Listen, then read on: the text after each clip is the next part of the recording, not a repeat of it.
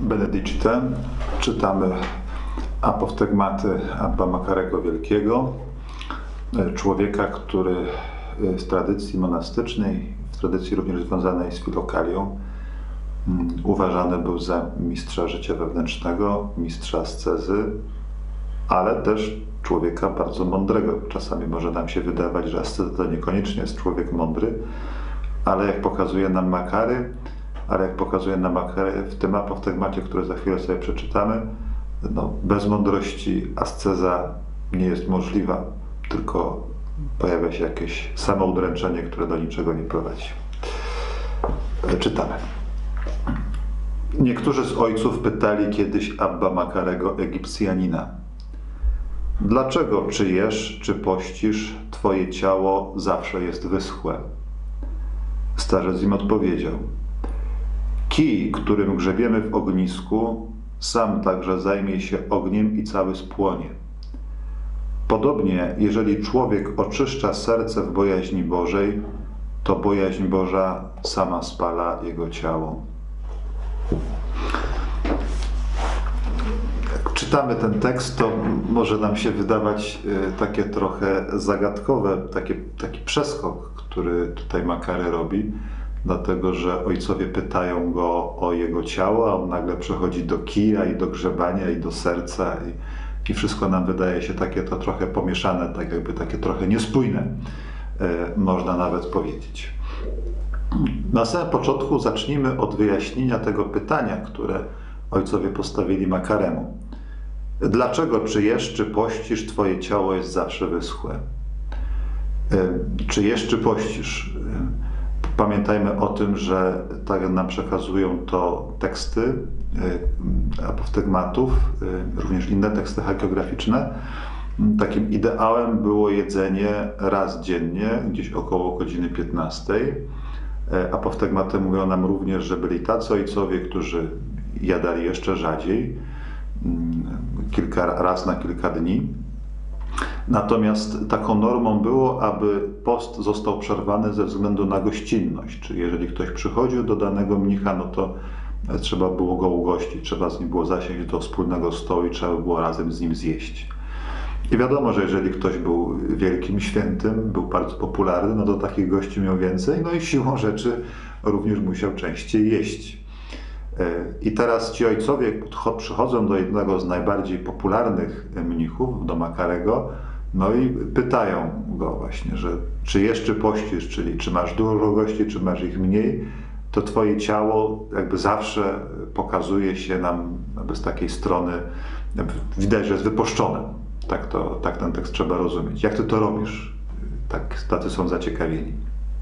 I wtedy Makary jakby rozpoczyna swoją, swoją, swoją, swoją odpowiedź na to pytanie, przenosząc jakby dyskurs na inny poziom. I cały y, tutaj cały urok tego apoftegmatu polega na grze słów, która w języku polskim zupełnie jakby umyka, dlatego że ci bracia, którzy go pytają, pytają go, dlaczego twoje ciało jest zawsze wyschłe.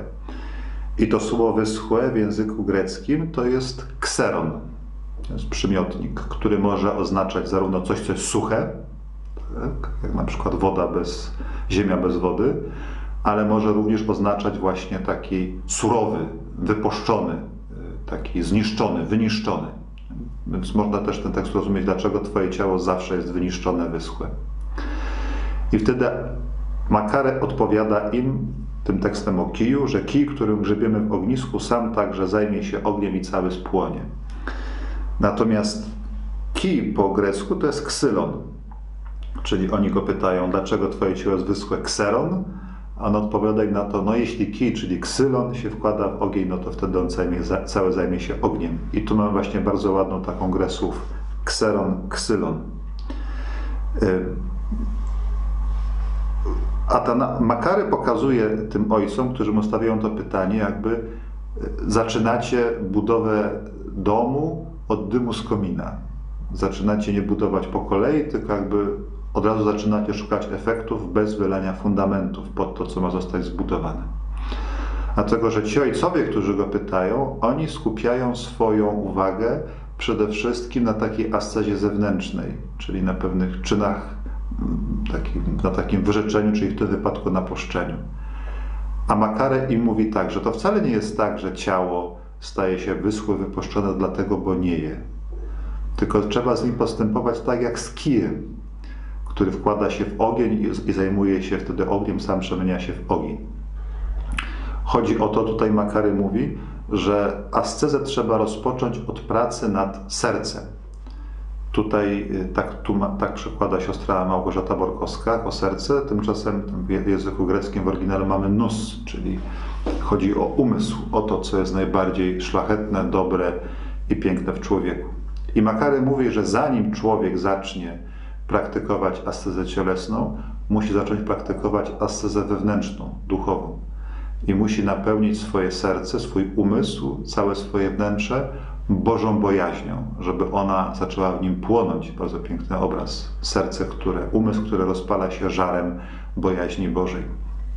I może nam się wydawać, że ta bojaźń Boże to jest coś niezbyt atrakcyjnego, przerażającego, że Pana Boga nie należy się bać, tylko należy Go kochać, ale musimy pamiętać o tym, że to pojęcie bojaźni Bożej, tak charakterystyczne dla apoftegmatów, nie oznacza strachu, że, ja boję się Pana Boga, że coś mi zrobi, tylko bojaźń Boża, tak jak to przeczytali ojcowie w tekstach mądrościowych, księgach mądrościowych, bojaźń Boża jest początkiem mądrości, oznacza raczej najwyższy stopień miłości, jaki człowiek może mieć w stosunku do Pana Boga. Bojaźń Boża oznacza to, że w taki sposób buduję, kształtuję moje życie, w taki sposób podejmuję decyzje, rozpatruję wszelkie aspekty związane z moim życiem, ażeby, ażebym nic, co robię, co pomyślę, co zaplanuję, czego pragnę, nie urażało Boga, ponieważ tak bardzo Go kocham, ale wręcz przeciwnie, wszystko służyło Jego chwale.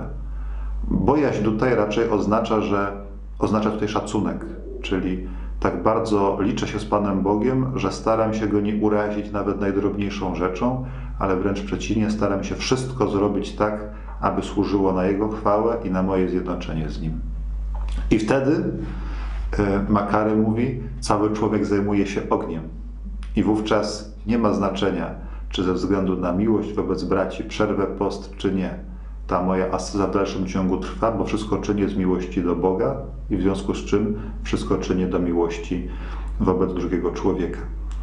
Potem ta metafora mm, jakby serca ludzkiego, które całe staje się ogniem, y, zostanie również podjęta przez Jana od krzyża, kiedy Jan mówi o tym, że y, człowiek jest, przypomina trochę taką, taki kloc drzewa, który jest nasączony wodą, jest brudny, ale kiedy wrzuca się go w ogień, y, to wtedy on najpierw paruje, oczyszcza się, wypuszcza wszystko z siebie to, co brudne, a w końcu ostatecznie sam cały staje się ogniem. I Jan od Krzyża mówi, że dokładnie tak samo dzieje się z człowiekiem, który zaczyna kochać Pana Boga, że ta miłość Boża wyniszcza, wypala w nim to wszystko, co jest grzeszne i Bogu się sprzeciwia i ostatecznie doprowadza człowieka do przemienienia, do przeistoczenia, do, do zjednoczenia się z Panem Bogiem, takiego stanu przebóstwienia.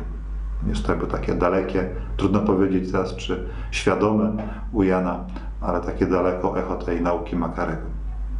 A zatem wniosek dla nas, nie patrzmy na takie zewnętrzne praktyki nasze, nie od tego zaczynajmy naszą przygodę z Panem Bogiem, ale raczej od budowania w sobie Bożej bojaźni, czyli takiego, takiej postawy szacunku wobec Pana Boga, pragnienia, aby wszystko w nas było na Jego chwałę, a wówczas i nasze ciało stanie się tak jak ten kij świętego Makarego wsadzony w ogień. Również my staniemy się cali ogniem Ducha Świętego.